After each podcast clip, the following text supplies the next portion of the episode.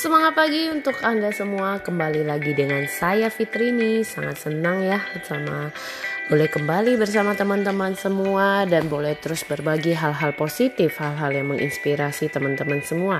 Nah, kali ini teman-teman di pagi ini kita akan berbagi seputaran tentang bagaimana sih kita bisa uh, menjadi orang yang benar-benar konsisten, menjadi orang yang komitmen ya. Teman-teman kadang dalam hidup ini tidak semuanya bergam, uh, gampang ya berjalan mulus seperti yang diharapkan.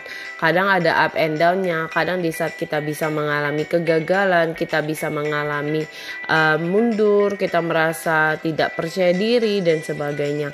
Tapi apa yang bisa kita lakukan bahkan di saat kadang uh, kadang ini ya kadang rasanya di saat misalnya kita kayak merasa aduh kok hidup kayak begini aja? Kok saya nggak bisa lakukan segala sesuatu itu tepat waktu konsisten dan sebagainya?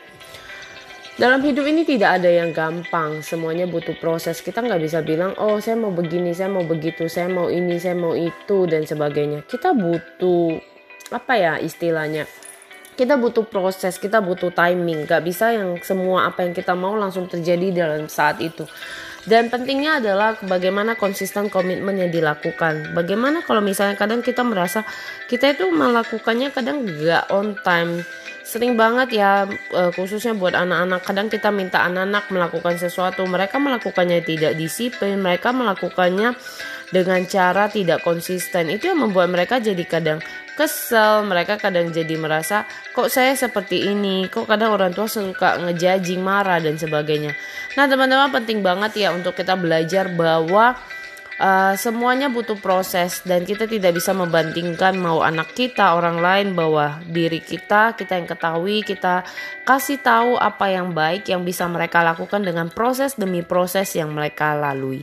Jadi mari untuk belajar dengan konsisten dimulai dari diri sendiri untuk mengkontrol diri uh, mengevaluasi diri untuk menjadi lebih baik. Karena di situlah kita akan bisa melihat bagaimana proses demi proses yang membuat kita jauh lebih percaya diri, membuat kita lebih terus bisa konsisten melakukannya sehingga apa yang kita harapkan, hasil yang kita kerjakan itu bisa memuaskan diri kita.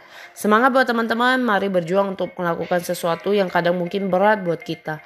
Tapi percayalah dengan komitmen konsisten yang terus-menerus, percaya proses demi proses itu akan kita lalui dan hasil yang luar biasa yang kita capai. Semangat buat Anda, semangat beraktivitas dan semoga setiap hari-hari Anda boleh menginspirasi orang-orang di sekitar Anda.